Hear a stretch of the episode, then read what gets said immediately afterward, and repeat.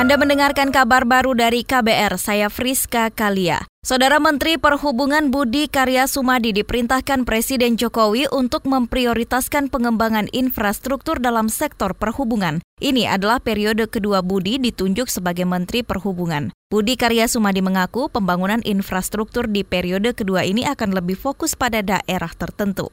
Pada dasarnya apa yang ingin disampaikan Pak Presiden kepada kita sangat jelas dan bisa dikatakan sederhana. Tetapi memang untuk mengerjakannya tidak sederhana. Ya.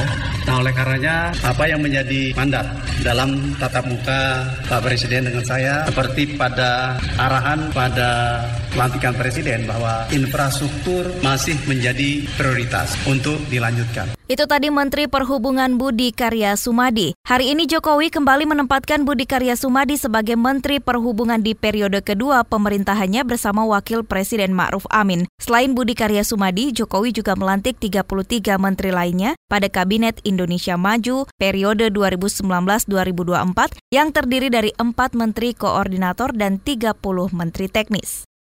Saudara pengamat pendidikan meragukan kapasitas Menteri Pendidikan dan Kebudayaan Mendikbud yang baru, Nadim Makarim. Pengamat pendidikan Darmaning Tias menilai Nadim Makarim bukan seseorang yang mampu menghadapi birokrasi dan kesenjangan bidang pendidikan di Indonesia yang rumit dan panjang. Jadi ya, ya gampang lah kira-kira bergerak di dalam suatu birokrasi yang baru sama sekali.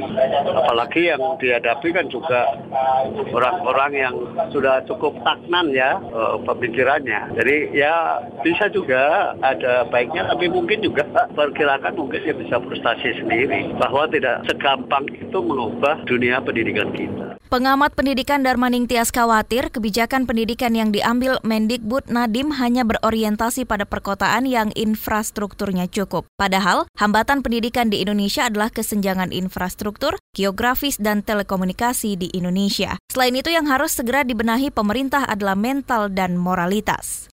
Beralih ke informasi lain, Partai Keadilan Sejahtera atau PKS akan segera mengirimkan nama-nama yang akan mengisi alat kelengkapan Dewan di DPR. Menurut Wakil Ketua Majelis Syuro PKS Hidayat Nur Wahid, fraksinya telah mengumumkan nama-nama untuk diajukan ke Sekretaris Jenderal DPR. Ia mengakui ada pengaruh dari perubahan susunan komposisi kementerian, namun tak terlalu dominan. Ya, Makari dan Komisi semua sudah siap. Kemarin sudah diumumkan di fraksi. Hari ini karena ada perkembangan terkait dengan apa komposisi kementerian dan, dan apa personalia daripada kabinet tentu kami juga harus uh, mengubah switch sedikit gitu ya tapi secara prinsip sudah siap hari ini saya yakin SK itu akan keluar mungkin paling lambat besok sudah akan diserahkan Hidayat Nur Wahid yang juga wakil ketua MPR RI ini menambahkan partainya akan mengeluarkan surat keputusan hari ini dan paling lambat akan dikirim ke DPR besok Kemarin alat kelengkapan Dewan DPR telah disahkan dalam rapat paripurna. Ketua DPR Puan Maharani mengingatkan seluruh fraksi di parlemen segera menyetorkan nama-nama anggota kepada Kesekjenan DPR untuk menempati tiap AKD.